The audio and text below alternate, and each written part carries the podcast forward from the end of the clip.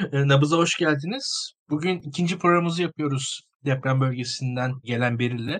Beril daha öncesinde depremin ardından bölgeye gitti. Arkasından belli bir süre ara verdi. Arkasında tekrar bölgeye gitti çekimleri için. Beril şu anda ayın 17'sindeyiz. Ayın 6'sında deprem oldu. 11 gün geçti. Hı hı. Hem bir defa daha genel izlenimleri alalım ve ikinci gezinde, ikinci gidişinde gördüklerin fikirlerini değiştirdi mi? Onları sorarak başlayayım ben. Ya şöyle ben Hatay'daydım 3 gün. Hı hı. Sonra işte 2 gün Adana'ya geçtik. Yani akşamında geçtik 3. günün. Bir gün Adana'daydık. Sonra ertesi gün yine yola çıktık. Pardon 2 gün Adana'daydık. Sonra yola çıktık. Tekrar Hatay'daydık. Yine bir gece kaldım. Ve pek değişen bir şey yoktu Hatay'da. Öncelikle şunu söyleyeyim, daha durumun stabil olduğu yerlerde hani işte Erzin gibi can kaybı olmayan yerlerde falan gazetecilik yapmak zor. Çünkü o hal sebebiyle işte valilik izni, kaymakam izni gibi izinler talep ediliyor. Gazeteciler hemen fark ediliyor ve bir anlamda rahat bırakılmıyor. Ama tabii bunun dışında hani bölgede gazetecilik yapan arkadaşlardan çok fazla şey duyduk. Basın örgütleri de bu konuda çalışıyorlar. Giderek artan bir baskı var. Yani bunu bir kere söylemek lazım.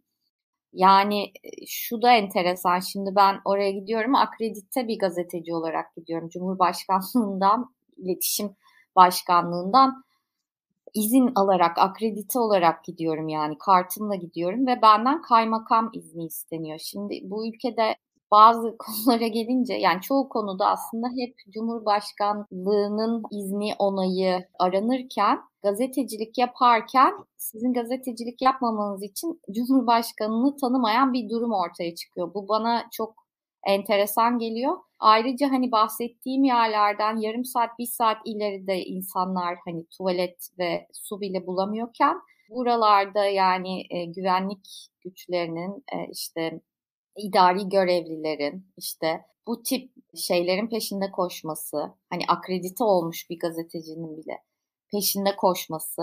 Yani oraya bir ne bileyim herhangi bir şey götürmek yapmaktansa gazeteci kovalaması da bana çok enteresan geliyor. Hani önceliklerin bu olması da. Ama şu var, gerçekten Hatay'daki durumun ne kadar kötü olduğunu görmeden anlamazsınız dediğimde zaten Erzin'de yani sadece ben değil herkes söylüyor. Erzin'de onu aslında bir anlamda görmüş oldum. Çünkü Erzin'de hiç ölü olmadı. Binaların belli bir kata kadar yapılmasına izin verildiğinden ve kaçak yapılara imar affı tanınmadığından. Ama insanlar çok mutsuzdu ve en mağdur neredeyse hani canımızı kurtardık tamam şükür ama en mağdur kendilerinin olduğunu düşünüyorlardı ki mağdurlar, haklılar buna bir şey demiyorum. Ama hani dediğim gibi yarım saat ötede hayat başka akıyordu. Yani yarım saat ileride bir cehennem var ama burada sanki öyle bir şey yokmuş gibi bir hava vardı. Dolayısıyla ve aa Hatay'da durum gerçekten kötü mü? Ne kadar kötü? gibi sorular da aldık. Dolayısıyla aslında o, o da biraz e, insanın gözünü açıyor. Yani az ileride bile insanlar ne olduğunun farkında değil. Hani gerçekten Hatay'a gidip görmeden oradaki durumu anlamak zor. Ama dediğim gibi bölgede çok ciddi tehdit alan gazeteciler var. Yani çok ciddi tehdit alan, ciddi tehditler alan gazeteciler var. Baskı artıyor çalışmamaları için. Ee, yani biraz ileride de hiçbir şey yok. Yani bu çok garip bir ortam. Yani biraz yarım saat ileriye gidiyorsunuz, bir, bir saat ileriye gidiyorsunuz. Hiçbir güvenlik, kural, su, altyapı, elektrik hiçbir şey yok. Yani bir anda bir boşluğa düşüyorsunuz gibi bir şey oluyor. O bana enteresan geldi. Çok fazla soru var. Yani söyleyebileceğim şey aslında yani sürekli bir soru var. Ee, yeni bir soru doğuyor aklımda ve ben bunların cevabını gerçekten bulamıyorum. Ee, ve oradaki insanların bu soruların cevabını bulamadıkları için neler hissettiğini tahmin bile edemiyorum gerçekten. Yani hani bazı hassasiyetlerden bahsediliyor. O yüzden işte belli gruplar, ordu vesaire sahaya inmedi deniyor. AFAD niye inmedi mesela? Bunu ben hala çözemedim. Yani AFAD niye bu kadar geç geldi? Her yere ama sadece Hatay değil diğer meslektaşlarımla da konuşuyorum. Maraş'a da, Elbistan'a da, işte Adıyaman'a da her yere AFAD'ın geç geldiği, ikinci günden sonra geldiği söyleniyor. Yani bunun cevabı nedir? Gerçekten neden böyle? Yani AFAD ekipleri de mi enkazdaydı? Onlar da mı kendi, onlar kendi sevdiklerini mi kurtarmaya çalıştı başta? Ne oldu? E, bina Hatay'daki AFAD binasının zarar gördüğünü biliyoruz ama yani ne olduğunu anlayamıyoruz. Böyle bir yani sorular silsilesi var. İşte e, tuvalet tamam hadi hazırlık yoktu. Belediye de hazırlık yapmamış bu arada Hatay Belediyesi de. Yani belediye bugün haberlerde araştırdım buldum. Expo Hatay Expo'ya belediye bütçesinden başka belediyelerin de bütçesini katarak 1 milyar TL harcamış. Yani küçük hani göstermelik bir hani deprem anında çadırdır, tuvalettir, işte ilk yardımdır, ihtiyaçtır diye böyle bir 10 metrekarelik bir alan bile ayrılmamış. Yani bunun bilmiyorum hani hep işte merkezi hükümete gittik bize yardım etmedi, şöyle yaptı, böyle yaptı. Kendisi zaten Lütfü Savaş eski AK Parti belediye AK Parti'den belediye başkanıymış. Yani kendisi ne yapmış? hani öyle de bir soru var. Hani kim ne yapmış diye bak lazım. Yani bir göstermelik hani bir deneme olmuş mu? Bir tatbikat olmuş mu? Bu yani bunlara bakmak lazım. Bunların hiçbiri yok. Hiçbiri yok. Maki, makineler görüyorsunuz belediyelerden ya da özel makineler. AFAD'ın makinesini görmüyorsunuz. Bu da çok acayip. AFAD'ın işte kepçesi makinesi yok mu? Yani o kadar çok soru var ki. Şimdi tuvalet mesela işte şeyler var. Altyapı sorunu var. Altyapı mesela tamam gitti deprem oldu. Elektrik gitti. İşte telefon çekmiyor. İşte sular kesildi. Borular patladı. İşte vırt oldu zırt oldu.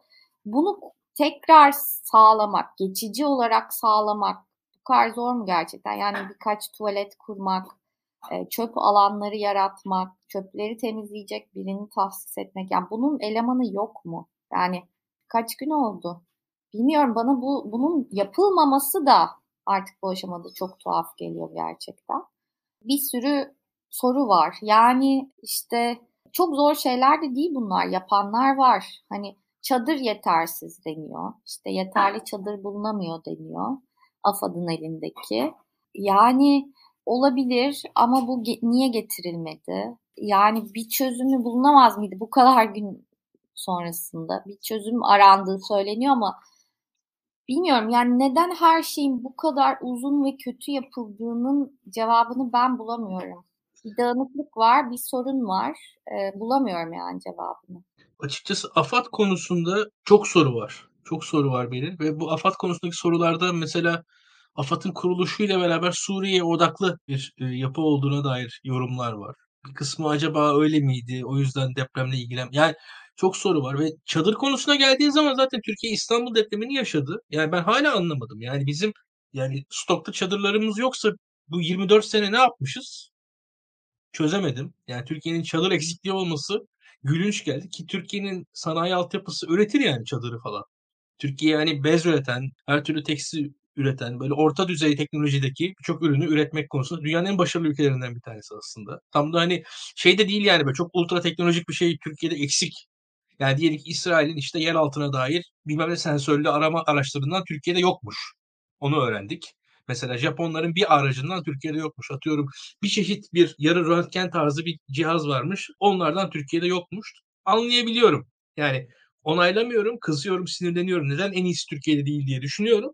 Ama anlayabiliyorum. Ama çadır eksikliğini anlayamıyorum açıkçası. Veya portatif tuvalet. Yani üst düzey bir teknoloji değil ki bu. Tam Türkiye'de üretilecek. Türkiye'deki sanayi yani Türkiye'nin üretebileceği şeyler bunlar. Ve bunların stoklanmamış olması gülünç. Yani ya şöyle bir durum var. Yani hadi diyelim yolsuzluk yapıyorsunuz. Ya yolsuzluğu o işte yap. En azından çadırı biriktirmiş ol. Yani anlatabiliyor Zaten hani e, devlet para harcayarak çalışan bir kurum. Parayı en azından oraya harcıyor. Yani o, o konulardaki yetersizlik çok garip ve yani ben şu anda bakıyorum. E, Türkiye'nin mesela diğer belediyelerin elinde kaç çadır var acaba? Atıyorum İzmir Belediyesi'nin acaba bir, bir yani İzmir'de deprem olacağı zaman kaç çadıra ihtiyaç olacak? O çadırlar nerede? Yani 100 bin tane çadırı var mı Türkiye'de? Ya ve, ve bu çadırları ne kadar zamanda biz kurabiliriz? Bunu merak ediyorum açıkçası. Tüm anlattıkların biraz da şey meselesi. Şimdi Beril konuşuyorduk ya ben biraz konuyu daha genişleteyim istersen. Şey geliyor aklıma. Yani Türkiye mesela yerli otomobil yapabilir miyiz? Elektrik, TOK konuşuluyordu. Birçokları yaparız, yapamayız üzerinden tartıştı. Aslında yapar Türkiye. Ama bu şeyden ibaret. Öncelik meselesi. Anlatabiliyor muyum? Hani önceliğin hangisidir? Hayatta önceliğin hangisi? Yani önceliğin mesela expo mudur? Önceliğin çadır mıdır, tuvalet midir? Toplanma alanı mıdır gibi. Yani belki öncelikler konusunda Türkiye'nin aşması gereken sorunlar var. Yani bir zihniyet sorunu var öncelikler konusunda diye düşünüyorum. Bu tarz deprem gibi ağır gerçeklikler bize önceliklerimizi tekrar hatırlatmalı diye ekleyeyim. Çünkü de şunu söyleyeyim bu arada. Yani sen mesela gazetecilik yapıyorsun tamam mı? Şu an uzmanlığa ihtiyaç yok. Gazeteciliğe ihtiyaç var bence televizyonlarda. İnsanların gazetecilerin olayı öğrenmesi lazım. Yani yaşananların farkında olmamız lazım bizim. Bizler böyle uzmanlara maruz kalıyoruz. Büyük uzmanlar bize uzman uzman anlatıyorlar televizyonlarda. Ya benim gibi şu anda edebiyat başlıyor. Türkiye'nin gazetecilere ihtiyacı var şu anda.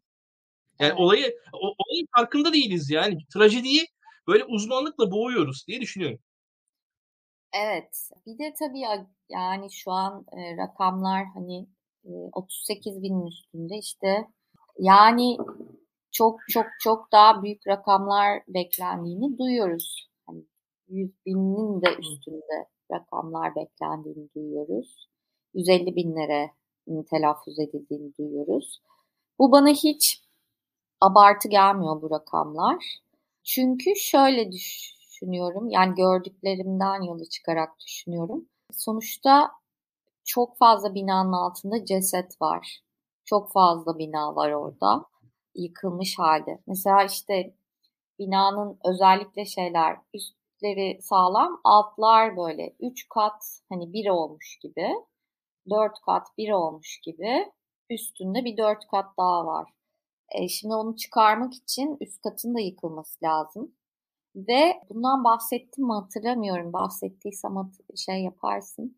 Tahminlerinden daha uzun sürüyor çalışmalar. Yani işte 2 saat dediği 7 saat sürüyor mesela. İşte 17 saat, 15 saat, işte bilmem kaç saat uğraşılıyor. E her binada böyle böyle zaten yetersiz. Yani çok uzun sürebilir ve gerçekten ölü sayısı çok fazla olabilir. Bir avantaj havanın soğuk olması. Bunun içerideki insanları diri tuttuğunu söylüyorlar bir şekilde. E cesetlerin de bozulmasına engel oluyor. Ama dediğim gibi yani bu rakam hiç abartı gelmiyor kulağa. Yani gerçekten çok fazla ölü çıkabilir. Bir diğer koordinasyonsuzluk şeyde kayıp çocuklarda işte cesedini aradıkları çocuklarda çok pardon.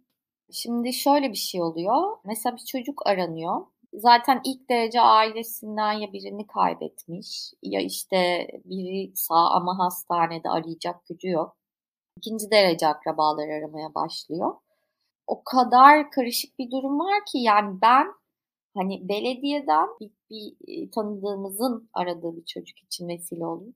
Belediyeden arkadaşımı koordine ettim, gazeteci arkadaşlarımı koordine ettim, bahsedilen çocukların toplandığı yere insanları gönderdim, şey yaptım falan. Ve biz bu sistemi gerçekten çözemedik. Yani bir hani çocuk öldü mü, kaldı mı, kaldıysa nereye götürülüyor? Götürüldüğü yerden sonra nereye götürülüyor? Bu çocuklara ne oluyor? Ne yapılıyor? Hani bu çocuklarla ilgili hani tarikatlar anlamında da bazı şeyler konuşuluyor. Onlarla ilgili bilgim yok ama şunu biliyorum belli bir yere götürüp oradan belli yerlere sevk ediliyorlar. Orada ne oluyor? Oraya yani burada çok karışık ve bilinmeyen bir şey var ve bu beni rahatsız ediyor bir gazeteci olarak. Maalesef benim onunla ilgilenmeye zamanım yoktu. Arkadaşlarıma bilgi verdim. Ama dediğim gibi yani ortada çocukların koordinasyonu ile ilgili hani Aile ve işte Sosyal Hizmetler Bakanlığı sorumlu diyorlar. Oradan bir şey bir şeylere ulaşmaya çalışıyor insanlar ama yani sürekli birilerini arayarak insanları rahatsız ederek belki bilgi alabilirler. Yani alamıyorlar. Günlerdir kayıp bir çocuk var. Bulunamıyor yani. Bunun gibi kim bilir nice çocuk var. Yani muhtemelen benim e, tahminim çocuğun hayatını kaybettiği ve gömüldüğü yönü, yön, yönünde. Ama yani şöyle diyeyim, kim nereyi arayacağını bilmiyor. Ya yani UMK'yi mi arayacak, aile e, ve sosyal hizmetleri mi arayacak, Orada topladıkları bir huzur evinde topluyorlarmış Hatay'da. Oraya mı gidecek? Ne ne yapacak? Yani tabii bu arada depremde de belki enkazda beklemesi gerekiyor, gidemiyor. yani o kadar kay, yani kayıt ve arama süreçleri o kadar karışık ve şey ki gerçekten o insanlara sabır diliyorum. Yani ben gazeteci olarak gerçekten 3-4 kişiyi koordine ederek biraz bilgi topladım. Neresi aranmalı, ne yapılmalı vesaire o aileye biraz da yön göstermek için. Ama gerçekten çok becerikli ve ısrarcı olmanız gerekiyor. Yani şöyle bir şey var. Gazeteciler zaten genellikle bu işlere alışık olduğundan terslendiği halde yine de aramaya alışık olduğundan, her yeri aramaya alışık olduğundan, iletişim bilgilerini kolay bulduğundan falan bu işleri halledebiliyor. Ama sıradan insan buna alışık değil. Dolayısıyla orada çok ciddi bir koordinasyon problemi var. Ona dikkat çekmek istiyorum. Yani o çocukların akıbetini de merak ediyorum gerçekten ne olacağını. Ya e, Beril şunu bir söyleyeyim. Şimdi mesela bazı belediyelerin tefin listeleri var web sayfalarında. Yani açıkçası bu benim de biraz aklıma geldi. Merak ettim açıkçası. Hatta şeyi dedim yani mesela şu andaki sayı şu anki kayıp sayımız hatta şöyle tam söyleyeyim 39.670 kişi olmuş en son. 38 binde 39.670 40 bine çok yaklaşmış. Fakat ben mesela bu 39.670 kişinin isim e, isimleri, soyadları vesaire kim, açık kimlik bilgilerinin sıralandığı bir yer olsa iyi olur diye düşünüyorum bir yandan. Acaba hani sonuçta vefat etmiş insanlar kişisel verilerin koruma kanununa da çok girmez gibi geliyor bana.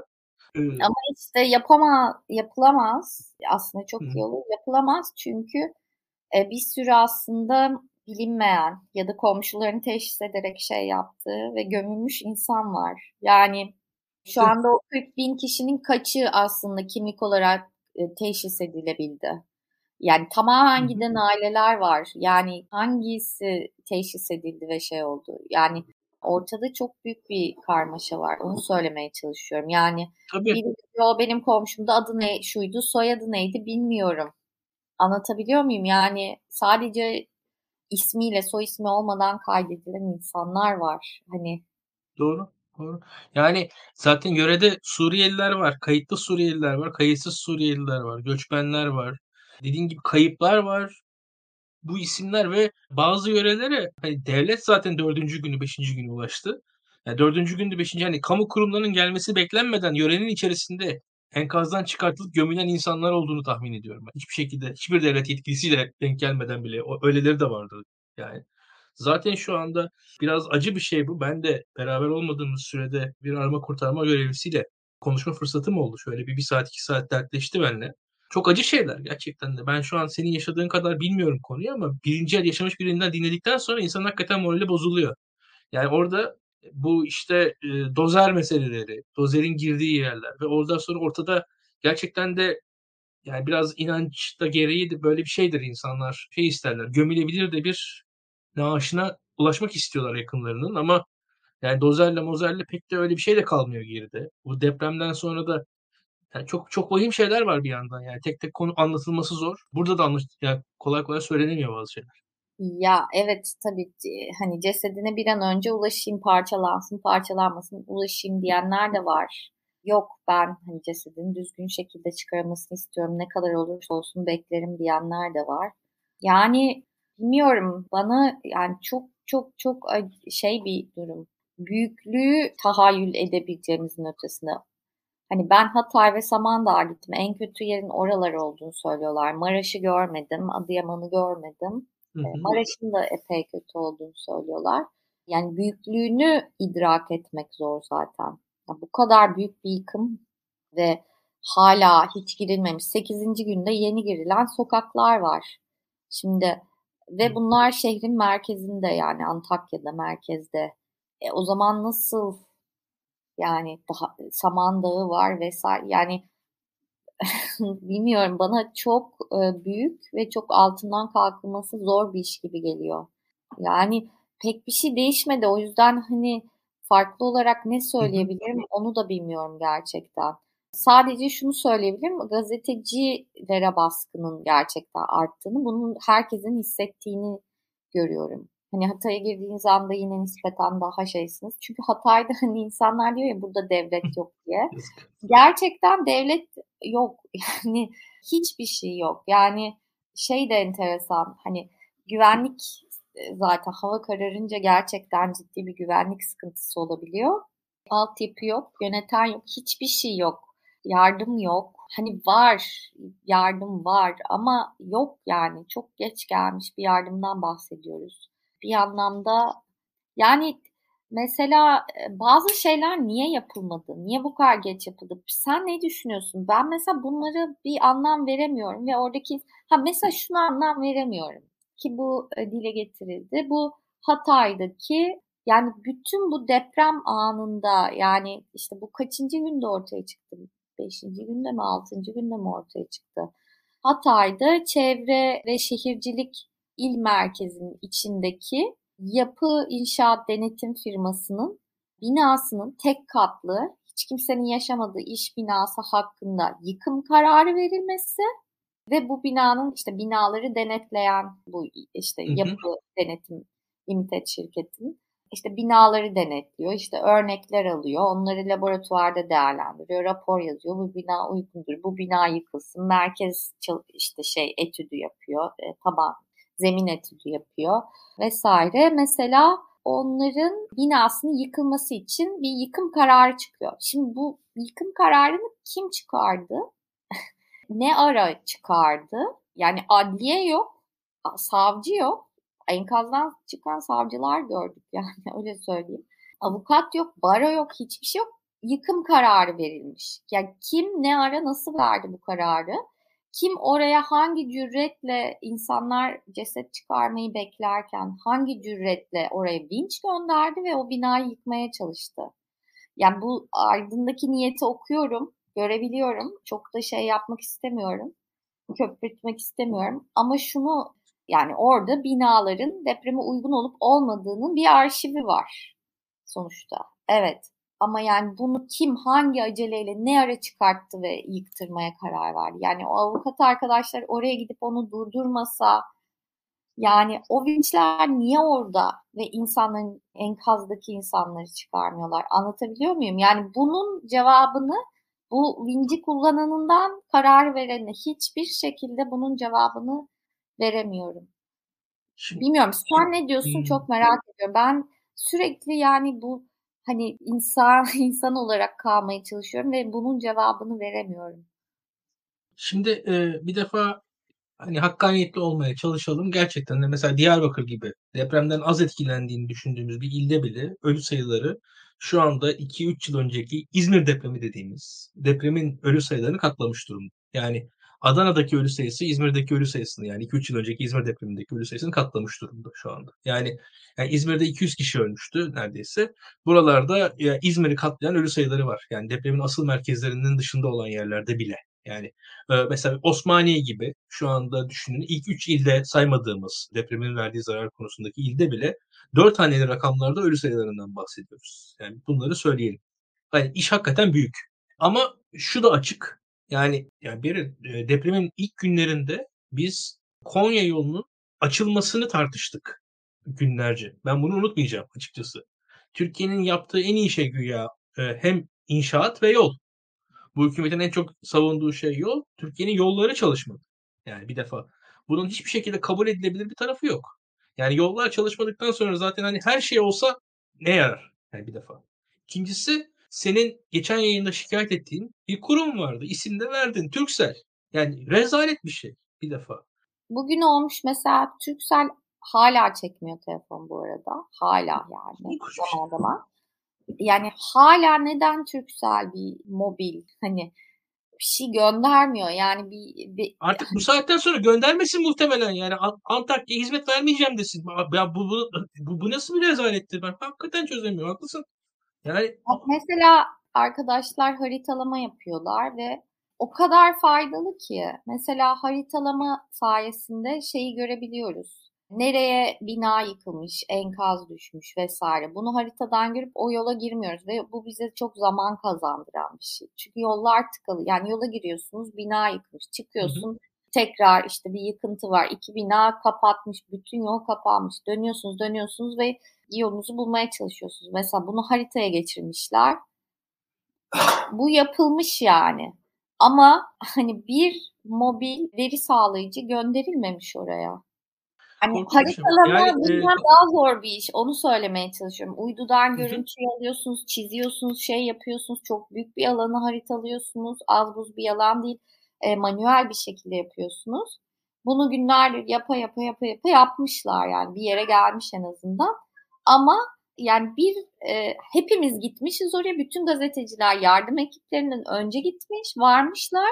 Bir mobil işte veri sağlayıcı bir bilmem ne gönderim bir tuvalet gönderilmemiş. Bunu mesela ben gidiyor gidebiliyorum. Tuvalet niye gelemiyor işte? Turkcell'in şeyi niye gelemiyor? Ya ben anlayamıyorum. Hı hı. Ve şeyden bahsediyorsun. Açık açık konuşalım. Yani şu an yaşanan sıkıntılar beri yani 11 gün oldu, 12 gün oluyor. Yani birinci gün yaşanan sıkıntıların dışında bir skandal şu an bence yaşıyoruz orada. Bu arada Gür, Gürhan Bey yakıt sıkıntılı demiş. Yakıt sıkıntısı da çözülmüş durumda. Yani yakıt sıkıntısı yok. İki saat Adana'ya gidiyorsunuz. Orada her türlü yakıt var. Jeneratörler yakıtla çıkıyor, çalışıyor. Yakıt sıkıntısı yok. Yakıt sıkıntısı yok. Yani bu bilmiyorum bilerek mi gönderilmiyor? Ben bulamıyorum bunun cevabını. Yani ben ben artık çözemedim bu işi. Kabul edilebilir bir şey değil. Yani öyle bir noktadayız ki Birincisi AFAD gönüllüsü diye bir şey var mesela. Şimdi bu gönüllüler nasıl kaydediliyor? Ya bu gönüllüler gerçek gönüllüler mi? Bir sıkıntı anında bir şey yapabilecek kabiliyete sahip gönüllüler mi? Belli sertifikaları var mı? Şimdi AFAD'ın bir çalışanları var, bir gönüllüleri var. Yani orada uzmanları, yani birkaç aşaması var orada AFAD'lı olmanın. Ve orada şimdi sonuçta şöyle bir durum var. Çok hakikaten işi bu olan insanlar var mesela. Arama kurtarmacı Hani hayatındaki işi bu olan insanlar var. Bir de işi bu olmayıp aslında böyle bir afet anında bu insanların koordinasyonu altına girmesi gereken insanlar var. Yani burada yani mesela madencileri, afatçılar nasıl koordine edecekler, ne kadar çalışmışlar bilmiyorum. Yani bizim gördüğümüz birçok tartışmanın kaynağında aslında bu çalışmanın olmaması yattı. Onu da söyleyeyim. Yani biz mesela yani mesela tam e, enkazdan çıkartacaktı. O sırada işte AFAD geldi deniyor. O, orada AFAD'ın gelmesinde bir sıkıntı yok aslında. Yani eğer orada çünkü AFAD'lar daha sedyeyle çıkartıyorlar vesaire. Ama şu var o koordinasyonlar eksik birincisi. İkincisi zaten AFAD kimse yok dediğin gibi. Yani orada birçok diğer arama kurtarma ekiplerinden gelenler var ve oradan gelmemişler. Belli ki biraz şey gibi bizim partilerin üye kaydı almalarına benzer bir şekilde. Yani vatandaşlık numarasını yazmışlar orada. Yani e, gönüllü diye gönüllü değil aslında. Orada bir şişirme rakam var ortada demek ki. O gözüküyor. Ve zaman içerisinde bizim ne yazık ki utanarak söylüyorum ama internetten bağıra çağıra birçok kurumu harekete geçirdiğimize inanıyorum ben Türkiye şartlarında. Yani bugün borsanın yaşadığını gördükten sonra benim ya düşün borsa açıktı. 3 gün açıktı borsa. Ya borsa borsa ilk ben borsa açıldığı gün pazartesi günü borsanın niye açık diye tweet attım bu skandaldır diye yazdım. Ertesi gün bir daha skandaldır diye yazdım. Üçüncü gün bir daha skandaldır diye yazdım. Sonra da kapat. Ya bu, anlatabiliyor muyum? Hani borsa ilk gün skandaldı. 72 saat boyunca bir skandalı konuştuk. Yani borsa yani tamam hadi diyelim yollar kapalı. İnternetler çekmiyor. Antakya'ya gidemedik. Ya borsayı da açık tuttu hükümet. borsayı açık tutmasının hiçbir açıklaması yok yani. Burada hani hiçbir şey yapamıyorsunuz bari borsayı kapatın yani. Onu bile beceremediler. Ya burada yönetim anlayışında sorun olduğunu düşünüyorum ben. Açık konuşayım yani. En, en tepeden başlayayım hikaye. Şu anki mevcut sistemle alakalı ve çünkü şöyle bir durum var benim. Ya belli sorunları devletin sorunları belli de, devletin gücü yetmeyecek. Yani devlet denen or, organın, ayrıtın gücün yetmediği sorunlar var dünyada. Yani mesela iklim değişikliğiyle Türkiye Cumhuriyeti Devleti tek başına başa çıkamaz mesela hem devletler arası işbirliği lazım, hem vatandaşların işbirliği lazım, devletin işbirliği lazım, özel sektör lazım vesaire. Dünyada böyle meseleler var. Şimdi deprem konusunda da şu an 7.7 deprem olduktan sonra Türkiye Cumhuriyeti'nin gücü yetmeyecek. Dünyadan destek gelmesi lazım, gönüllüler lazım, yere, yöresel etki lazım, hani yerel yardım lazım. Yani burada bölgeye giden insanlar var. O insanlar e, görüyorlar yani insanlar birbirlerini kurtardılar.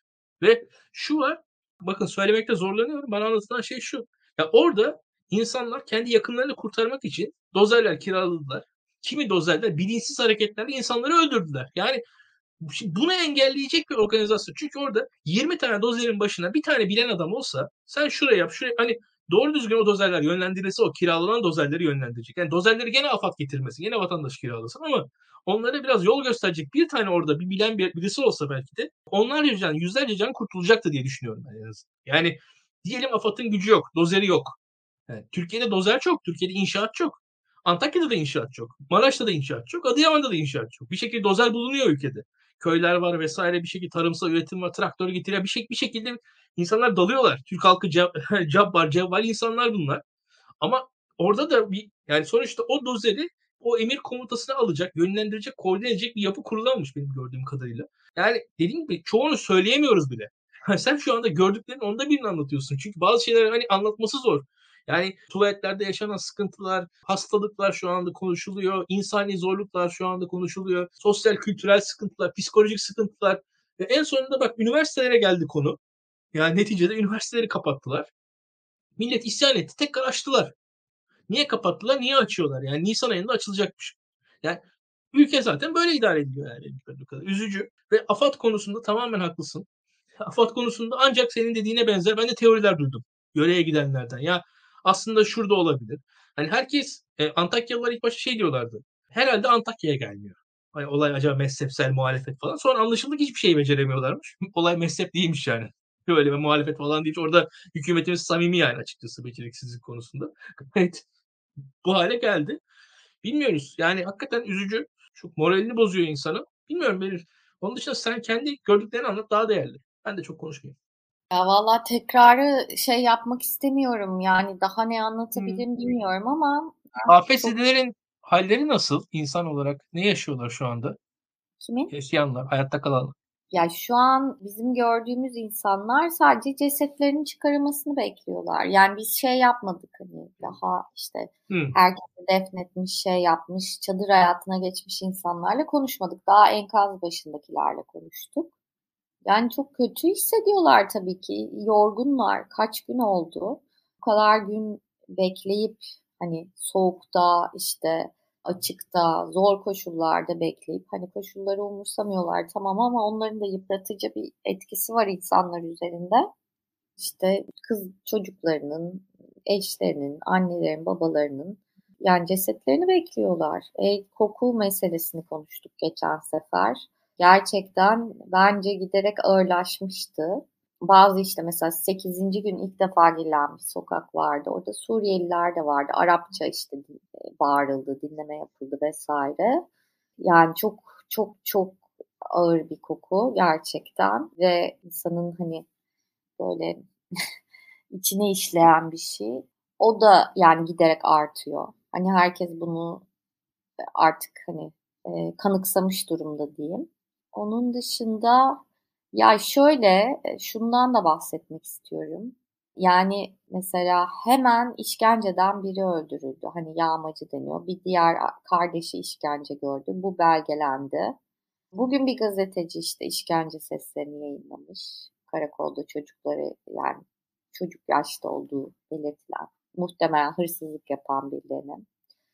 Ya şimdi siz orada bir sistem kurmamışsınız. Yani devlet olarak yoksunuz ve insanları kendi kaderlerini terk etmişsiniz.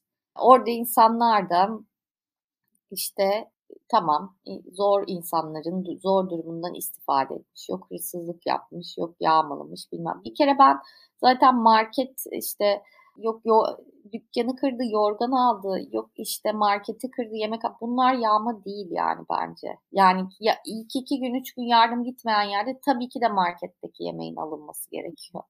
Yani tabii ki de üşüyen insanlar yorgan alacak yani. Hani yardım götürmüyorsanız ne yapmasını bekliyorsunuz insanların aç aç insanların iki gün boyunca yağmurda kalmış ıslanmış, telefonları çalışmamış insanların ne yapmasını bekliyorsunuz yani? Hani e, bu küçük işte markete girdi vesaire gibi şeylerin böyle değerlendirilmesi bana tuhaf geliyor. Hani biri de yazmıştı zaten mecburiyetten aldım sonra parasını ödeyeceğim diye. Yani yoksa ne yapacaksınız? Ya acıktığınızda yemek yemeyecek misiniz? İşte üşüdüğünüzde üstünüze yorgan örtmeyecek onun dışında daha ciddi şeyler işte para çalma, işte yol kesme, silahla yol kesme haberleri geliyor. Para çal çalma şeyleri duyduk. İşte eşya çalma, İşte enkazın başında bekleyen insanlar var içeride parası olduğu için vesaire falan. İşte daha ciddi yağma hikayeleri var falan filan. Tamam bunlar var da zaten orada hiçbir şey yok. Yani bunların olmasına şaşıracak bir durum yok bence. Yani tabii ki de bir sistem yoksa yani sistem varken de olabilir ama sistem yoksa bunlar tabii ki olacak yani olabilir. Sonra da alıp bu insanları işkenceyle öldürüyorlar. Yani buna nasıl vakit, zaman ve şey bulabiliyorlar? Ben bunu da anlamıyorum. Hani bütün öfkelerini yağmacılara yöneltme gibi bir şey var anladığım kadarıyla. Ama devlet girdiği anda, polisi girdiği anda yaptığı şey yani işkence yapmak, öldürmek gibi bir şey oluyor. Yani o yüzden hani anlatabiliyor muyum? Hani burada herkes çok sinirleniyor. Ah işte bir de e, yağmalamış, zaten mağdur olmuş. E, evet hepimiz çok sinirleniyoruz ama bu o kanunsuz yerin şeyi yani sonucu yani. İnsanların bırakılmışlarının bir sonucu yani. Orada zaten insanlar kaderine terk edildiği için işte orada bir... Beril sana Adana'da açıkçası affedersin bu deprem bölgesinin daha sağlam yerlerinde peşine polisler düşüyor çok güzel bir gazeteci olarak. Yani Adana'da ben Türkiye'deki... Düşmedi. Adana'da düşmedi. Daha Hatay'ın zarar görmemiş ha. bölgelerinde. Yani hakikaten ben burada cidden o soruyu soracağım. Yani ya feministler gece yürüyüşü yapıyor. İzmir'de 50 tane hanım arkadaş vardı orada. Yürüyüş yapacaklardı. Birisiyle buluşacak. Ya 2000 polis geldi. Anlatabiliyor muyum? Çok net hatırlıyorum yani. Herhangi bir eylemde yani 8 Mart'ta falan on binlerce polis maşallah geri veriyor. Türkiye'de anlamadım ben bunu. Tabii ki Antakya'daki güvenlik kuvvetleri kendi ailesinin derdine düşmüş olacak. Bunu bunu tahmin etmek zor değil. Çoğunun evi yoktur muhtemelen oradaki yerel polis. Ve şu anda oranın güvenlik ihtiyacının dışarıdan gelecek polislerle sağlanması gerektiğini de görmek zor değil. Hı hı. Yani Türkiye'nin hani her yere her şekilde her türlü güvenlik ihraç edilebiliyor Türkiye. Türkiye'nin polisi Katar'da Dünya Kupası'nın güvenliğini sağladı. Hı hı. Yani e şimdi bakıyorsunuz ya bunu organize edemiyoruz ama. Yani madem her konuda bakın çok fazla güvenlik birinci planda önce güvenlik deniyor. Tamam. Madem hani en iyi bildiğimiz şeyler bak neydi? İnşaat, yol, sonra güvenlik değil mi? Bak en çok odaklandığımız işler bunlar. E bunlar yok şu anda. Yani inşaat, yol, güvenlik yok bunlar. Yani bir de drone vardı zaten. Dronsel o da yok ortada. Yani hakikaten öyle. Yani en iyi olduğumuz, en fazla lafını ettiğimiz değil mi? Konular bunlardı. Neden drone'la bir haritalama yapılmadı mesela? Hı hı. Hani neden? hemen bir haritalama yapılıp neden ona göre e, yollar düzenlenip yardım koordine edilmedi? Yani bunlar çok hayat değiştiren önemli şeyler var. Yani bunlar niye yapılmadı? Ben gerçekten bunların niye yapılmadığını anlayamıyorum. Yani e, hadi o yapmadı, bu yapmadı, şu yapmadı. Biri de eh deyip niye yapmadı? Yani dinlemiyorum sizi deyip niye yapmadı? Yani bilmiyorum sadece çok çok çok anlamsız geliyor. Yani oradaki insanlara zaten hayatın ne kadar anlamsız geldiğini tahmin bile edemiyorum. Yani bunun da neye toplumsal olarak neye dönüştüğünü bilmiyorum. Çünkü hani biz e, bizim en çok hani sosyal medyada görüp etkilendiğimiz hani paylaştığımız videolarda genelde isyan eden insanlar oluyor değil mi? Ama orada gerçekten çok ciddi şekilde travmatize olmuş insanlar sadece kendilerini ayakta tutmaya çalışıyorlar cesetlerini alabilmek için işte yaşayan biri varsa bir sevdiği onu kurtarabilmek için yani çok zor bir şekilde kendilerini ayakta tutmaya çalışıyorlar. Yani bunun ileride toplumda nasıl bir şeye dönüşeceğini, ya o öfkenin şu an hissetmedikleri ya da ifade edemedikleri öfkenin, isyanın neye dönüşeceğini ben bilmiyorum. Ama çok çok büyük bir başarısızlık var ortada ve kimse istifa etmiyor. Çünkü kimse bu bu kadar büyük bir başarısızlığın sorumlusu olmak istemez. Çok büyük bir başarısızlık var. Şimdi iletişim diyorsun ya bak ben ben de tersten bakayım. Ya bir tane başarılı yok mu? Mesela araların. Yani bu bir tane başarı bir tane başarı hikayesi anlatsınlar en azından. Ona da izin vermiyor şu anki sistem. Onu söyleyeceğim. Yani şu an depremle mücadele eden şu belediye başkanımız başarılı. Yani ekranlara çıkıp insanları yönlendiren bir yöreden belediye başkanı, yöreden bir vali. Mesela çıksa işte benim ilimde şunlar şunlar şunlar eksik dese, inisiyatif alsa ama o zaman o da hedef olur. Anlatabiliyor Hani sıkıntıları ifade edebilen bir yerel yönetici şu anda çok öne çıkardı aslında. Ve Hı çok da insanları yönlendirebilirdi bu sosyal medya ve iletişim çağında aslında. Ama bu, buna da izin verilmediği açık. Çünkü öyle bir vali, öyle bir belediye başkanı çok fazla öne çıkacaktı. Onu da istemediler. Yani bu da mesela tam tersine. Yani bir yöneticinin, yerel yönetici öne çıkması da istenmiyor. Yani dediğin gibi hem başarısızlıkla sorumluluk alması herkesin yasak hem de başarıyla öne çıkması da yasak aslında. Herkesin birbirinin arkasına saklandığı garip bir düzen. En sonunda bir baktık. Yani Süleyman Soylu bile yoktu ortada. Fuat Oktay'a kaldı işler. Yani Türkiye biraz böyle. Yani şu an bütün işlerin en çok görünen ismi. Yani şu an res, e, deprem hadisesinin posterdeki ismi Fuat Oktay. Hı hı. Bu şu an bize birçok şey anlatıyor aslında. Olayın ne kadar insanların arkaya saklanarak çözülmeye çalışıldığı da çok net anlatan bir şey. Fuat Oktay'ın bu kadar öne çıkıyor olması bu tüm olan bitende diye düşünüyorum. Herhangi bir kişinin öne çıkmaya da hakkı yok, arkada da kalmaya da hakkı yok, istifa etmeye de hakkı yok şu anki Türkiye'de. En fazla affını isteyebilir. Türkiye'nin düzeni bu şu anda. Biz şu an bunun sıkıntılarını yaşadık diye düşünüyorum. Hani hadise gerçekten vahim. Yani hadise çok ağır. Türkiye'nin en ideal bir yönetimde bile çok da acılar yine acılar çekeceği açıktı. Ama bu acıları bu noktada büyüten şu anki yönetim sistemidir. O konuda gram şüphem yok. Bütün bunların yanında yani gerçekten üzücü şeyler yaşıyoruz. Yani iyi şeyler de var tabii. Tüm dünyadan insanlık burada en güzel taraflarıyla yan yana geldi. Türk halkı doğusundan batısına, kuzeyinden güneyine çok tartışmasız bir dayanışma sergiledi. Herkes en dindarından en sekülerine, e, Kürdü, Türk'ü, Hristiyanı, Alevisi, Sünnisi, İslamcısı, Müslümanı, her türlü tasavvuf ehli diyelim. Hepsi yan yana geldiler. Herkes birbirinin yanında yer aldı. İnsanlar enkazın altındayken enkazı kim kimdir diye bakmadı. Çok olumlu şeyler duyduk açıkçası. Onu söyleyeyim. Ama bir yandan da acı. Gerçekten acı. Yani hiçbir şey yapılmamış. Yani kentsel dönüşüm anlamında da hiçbir şey yapılmamış. Bakıyorsun en yeni binalar bile yıkılmış. İstanbul'da yapılıyor kentsel dönüşüm. Gerçekten ne kadar iyi bir kentsel dönüşüm yapılıyor. Yani tamamen kentsel dönüşüm rant odaklı yapılıyor. Denetleme konusunda işte mimarlar ve mühendisler odası devreden çıkarılmış. Eskiden mesela bir bina, bir projeyi onaylarken mimarlar mühendisler odası evet bu bir mimardır, bizde kayıtlıdır bu projeyi. Yani Antakya'da o CHP'li belediye başkanı savunduğu adam da mimar odası başkanıdır. Yani kime güveneceksin Ama ben sistemden bahsediyorum. Mimarlar odasının şeyinden bahsediyorum. Eskiden şimdi duyduğumuz şey nedir? İşte mimarlar baş yani biri mimarın diplomasını kiralıyor. Ben mimarım diyor. Projeyi yapıyor. Kafasına göre yapıyor. Zaten mimarsız, mühendissiz, herhangi bir danışmanlık almadan kaçak yapılar yapılıyor. Kaçak bölümler ekleniyor. Bunlara imar affı veriliyor. Kentsel dönüşüm zaten rant getiren yerlerde bir şekilde yapılıyor. İşte gerçekten kentsel dönüşüme ihtiyacı olan yerlerde kentsel dönüşüm yapılıyor mu? İstanbul'u düşünsek mesela. Bilmiyorum İzmir'i düşünsek. Yani gerçekten yani hiç hiçbir şey yapılmamış. Ve bu şey gibi görünüyor. Bunlar hani pahalı şeyler vesaire gibi. Ama aslında bu şu an ödeyecekleri bedel çok daha fazla. Yani milyonlarca insan göç edecek. Milyonlarca insan evsiz kalacak. Onlara barınma imkanı sağlanması gerekecek. Bir şehir yok olmuş.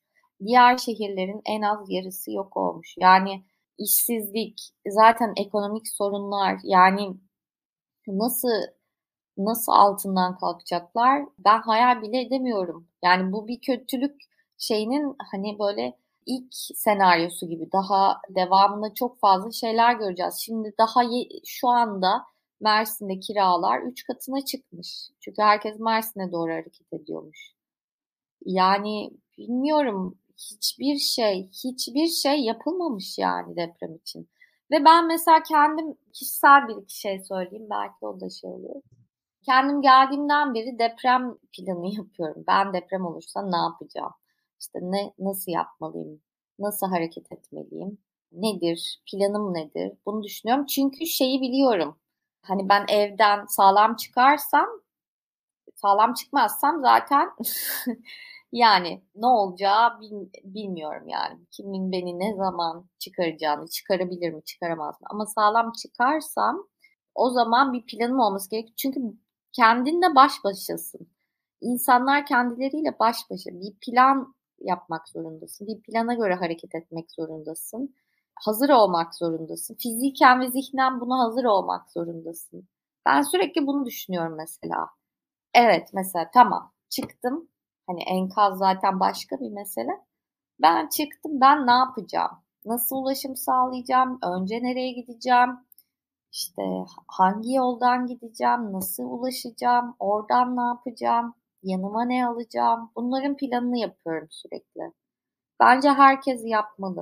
Yani Beril, biz açıkçası 20 yıldır, 25 yıldır bir şey yanlış anlıyoruz galiba.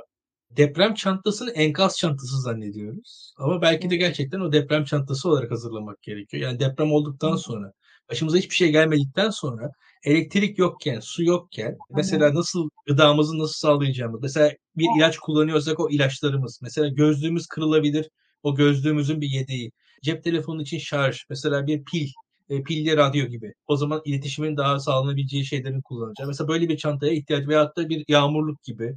Atıyorum kimi insanlar şu olabilir. Arabası olanlar arabalarının bagajlarına birer çadırımsı şey, e, matlar falan koyabilirler. Yani böyle artık hazırlıklı düşünmek gerekiyor diye düşünüyorum en azından. Tabii, Tabii kesinlikle. Zaten araba da kurtulur mu onu da bilmiyorum. Hatay'ı gördükten sonra arabalar yani enkazların tepesinde falandı. Onun da mesela altında kalmayacak bir yere park etmek lazım belki. Yani her şeyi düşünmek lazım gerçekten. Ben onu anladım. Şun, şuna da hazırlıklı olmak lazım. Yani deprem olduğu zaman depremin ertesinde telefonlar çalışmıyor. Özellikle şehir içi iletişim işlemiyor. O yüzden buna da belki hazırlıklı olmak lazım. Sakin olmak lazım. Bunun olabileceğini düşünmek lazım. Yani çok fazla şey var. Ona kendimizi hani gerçekten hazırlamamız lazım. Herhangi bir felaket anı için bunu hazırlamamız lazım. Onu düşünüyorum yani şahsen ben onların yerinde olsaydım ne yapardım, ne yapmalıydım, nasıl hareket etmeliydim. Böyle. Yani Beril çok haklısın. Buradan tüm izleyicilerimize de açıkçası bir deprem çantası. Gerçekten deprem. Yani enkaz çantası değil. Herkes orada yarın bina yıkılırsa ne yaparım çantası değil o. Yani sizi enkazın altında bir mucizeye ulaştıracak bir çanta değil ama diyelim deprem oldu. Elektrik yok, su yok, cep telefonları çalışmıyor. O şartlar altında sizi bir en azından devletten yardım gelene kadar, herhangi bir yardım gelene kadar yani bu 3 gün, 4 gün, bir hafta geçene kadar yaşatacak bir şey. Ya ihtiyaç olduğu çok net gözüküyor şu anda. Bugün o e, deprem çantasının anlamını bu ağır deprem bize tekrar öğretti. Çünkü yani mesela İzmir'deki depremde deprem çantasına kimsenin çok ihtiyacı yoktu. Yani neticede çünkü depremin boyutları gelen yardımın yardımlardan daha küçüktü.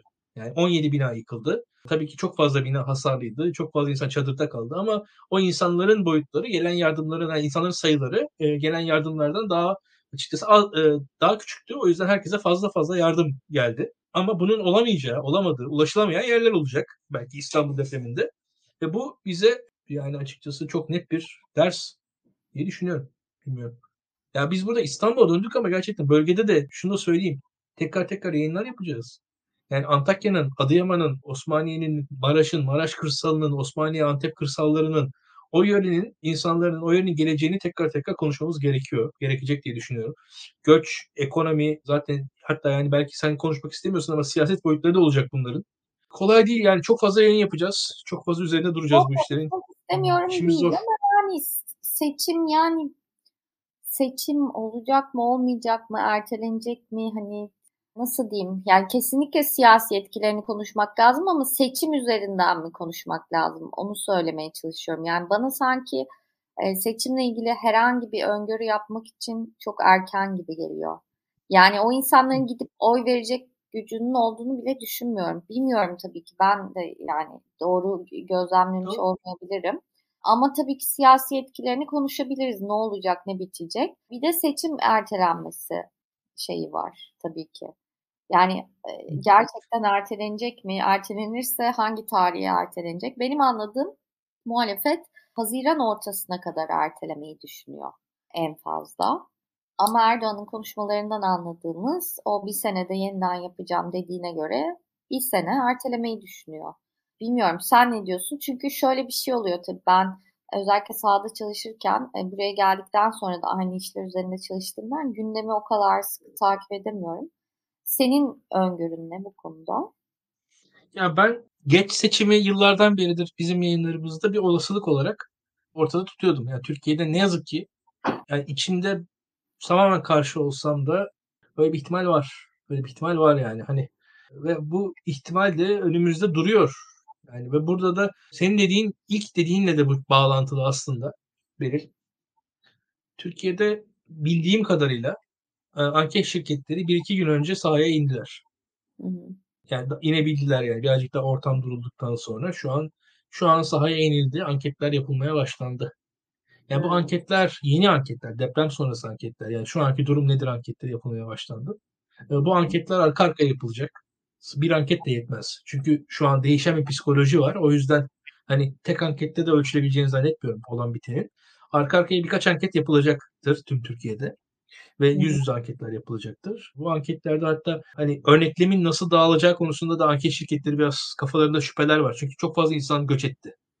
Hı hı. Acaba örneklem değişecek mi Türkiye'yi yansıtan örnek? Onu, onu da düşünüyorlar şu anda.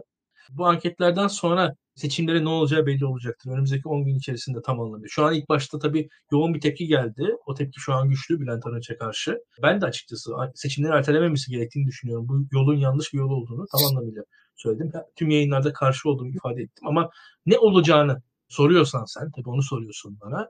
Bu anketlerle beraber hava tekrar değişebilir. Yani o anketlerin sonuçlarına göre Türkiye'de siyaset bir yön alabilir diye düşünüyorum.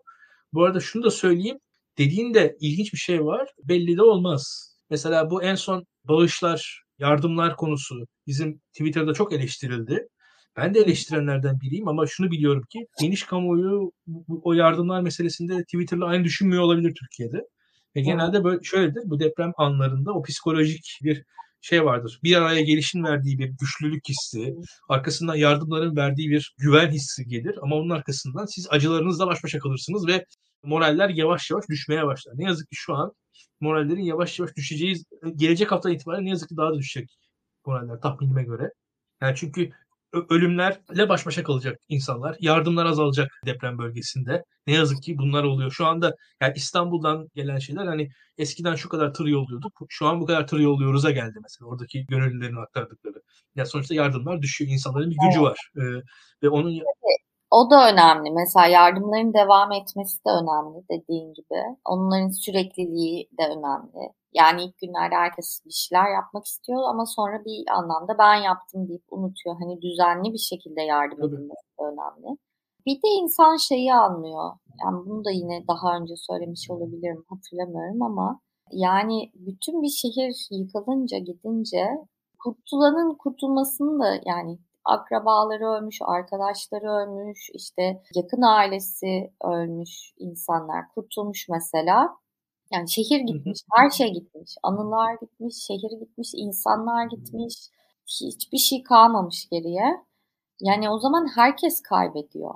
Yani şöyle o hep şey gibi düşünüyoruz ya işte depreme dayanıklı bir eve geçeyim. İşte ben depreme dayanıklı bir evde oturuyorum zaten. Bilmem. Yani bütün evler, evinin etrafındaki bütün evler yıkıldıktan sonra sen zaten hani hayatta kalacaksın ama o evde yaşayamayacaksın. Yani kurtuluyorsun ama her yani herkes kaybediyor. Hepimiz kurtulsan bile kaybediyorsun. Ya, yani şimdi... o, o zaman da sen hani tamam sen de bireysel düşünmüşsün ama bireysel düşündüğünde bir şey değişmiyor yani. Hani her şey doğru yapılmazsa zaten herkes kaybediyor. Çok haklısın. Muyum? Şimdi çok haklısın. O kadar haklısın ki.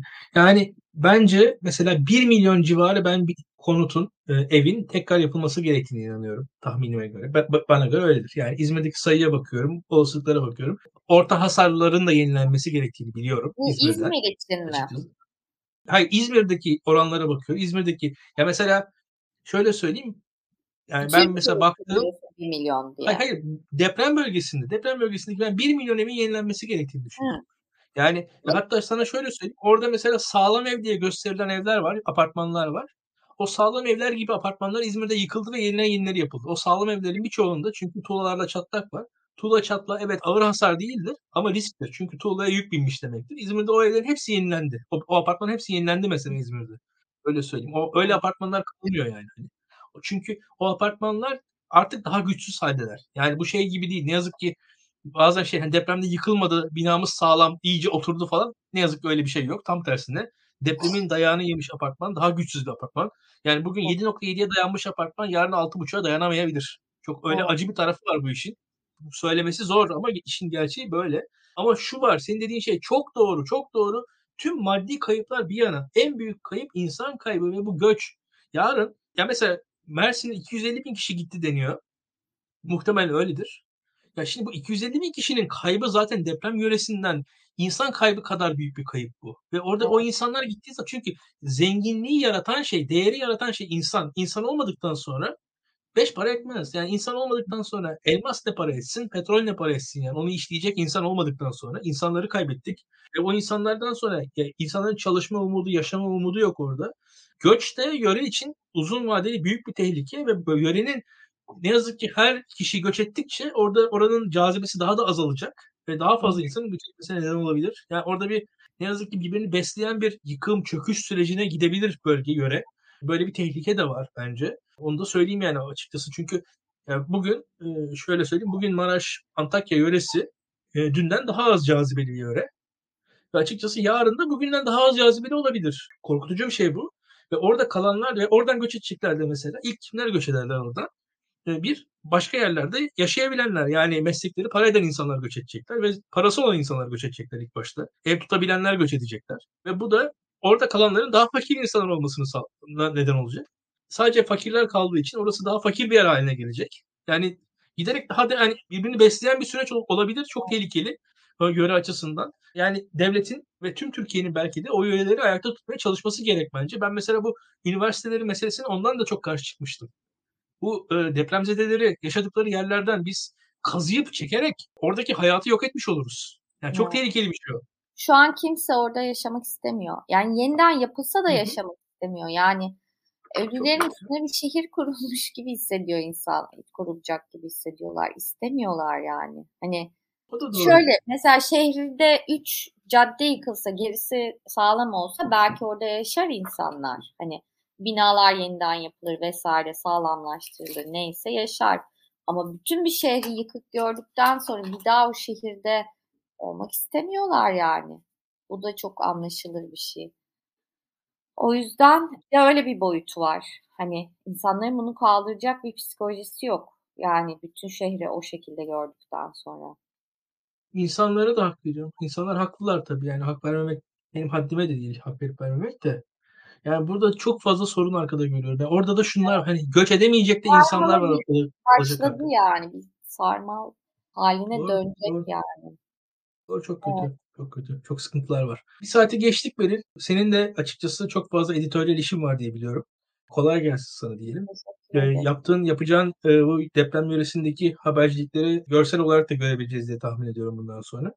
E, ilgiyle merakla izleyeceğiz. Biz de başka yayınlarda da bu depremi takip etmeye devam edeceğiz. Bu gecelik bu kadar diyelim. Pazartesi günü ben muhtemelen yayında olmayacağım. Bir seyahatte olacağım. Ama Daktilo 1984 yayınlarına Çavuşescu Intermatisi devam edecek diyelim. Bu haftalık bu kadar. Tekrar görüşmek üzere. İyi akşamlar.